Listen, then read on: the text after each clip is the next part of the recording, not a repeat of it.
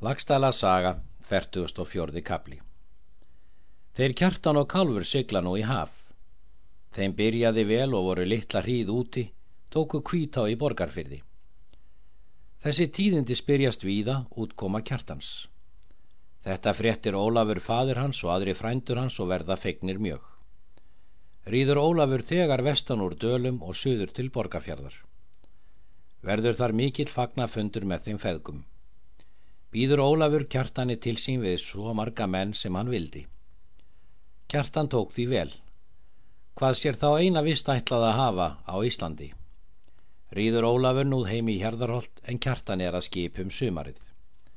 Hann spyr nú gjafur Guðrúnar og brá sér ekki við það en mörgum var á því kvíðustadur áður. Guðmundur Sölmundarsson máur kjartans og þurriður sýstir hans komu til skips. Kjartan fagnar þeim vel Ásker æðikollur kom og til skips að finna kálf svonsinn. Þar var í ferð með honum hrefna dóttir hans. Hún var hinn fríðasta kona. Kjartan bauð þurrið í sestur sinni að hafa slikta varningi sem hún vildi. Sliktið samamælti kálfur við hrefnu. Kálfur líkur nú upp einni mikill í kistu og bað þær þar til ganga. Um daginn gerð á kvast veður og hljópu þeir kjartan þá út að festa skip sitt og er þeir hafðu því lokið ganga þeir heim til búðana. Gengur kálfur inn fyrir í búðina. Þær þurriður og hrefna hafa þá mjög brotið úr kistunni. Þá þrýfur hrefna upp móturinn og rekur sundur. Tala þær um að það sé hinn mesta gersemi. Þá segir hrefna að hún vill falda sér við móturinn. Þurriður hvað það ráðlegt og nú gerir hrefna svo. Kálfur sér þetta og let eigi hafa vel tiltekist og bað hann að taka ofan sem skjótast. Því að sjá einn er svo hlutur að við kjartan eigum eigi báður saman og er þau tala þetta þá kemur kjartan inn í búðina. Hann hafði heyrt tal þeirra og tók undir þegar og hvað ekki saka. Hrefna satt þá enn með faldinum. Kjartan hyggur að þenni vandli og mælti. Vel þykir mér þér sama mótunur hrefna, segir hann ætla ég og að það sé best falli að ég eigi allt saman mótur og mei þá svarar hrefna. Það munum menn ætla að þú munir eigi kvongast vilja bráðendis en geta þá konu er þú byður Kjartan segir að eigi myndi mikið undir hverja nætti en lest yngra skildu lengi vonbyðil vera. Hrefna tekur nú ofan faldin og selur kjartan í móturinn og hann varðveitir Guðmundur og þau þurýður buðu kjartan í norður þanga til sín til kynnisvistar um veturinn. Kjartan hétt fersinni. Kálfur Áskersson réðst norður með föður sínum. Skipta þeir kjartan og félagi sínu og fór það allt í makindu og vinskap.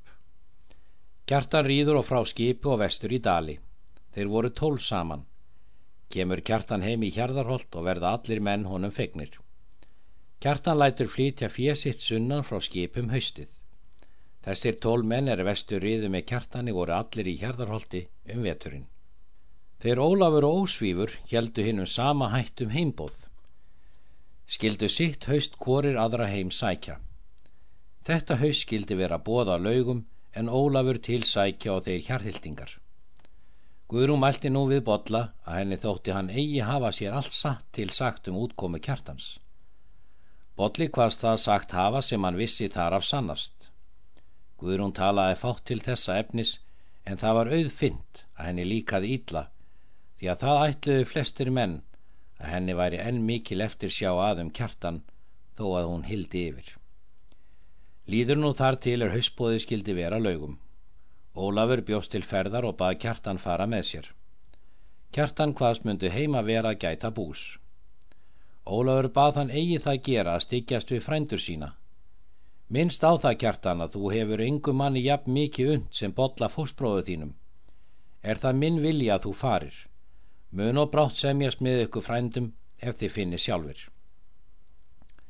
Kjartan gerir svo sem fadur hans beigðist og tekur hann nú upp skarlatsklæði sín er Ólafur konungur gaf honum að skilnaði og bjóð sig við skart. Hann girti sig með sverðinu konungsnaut.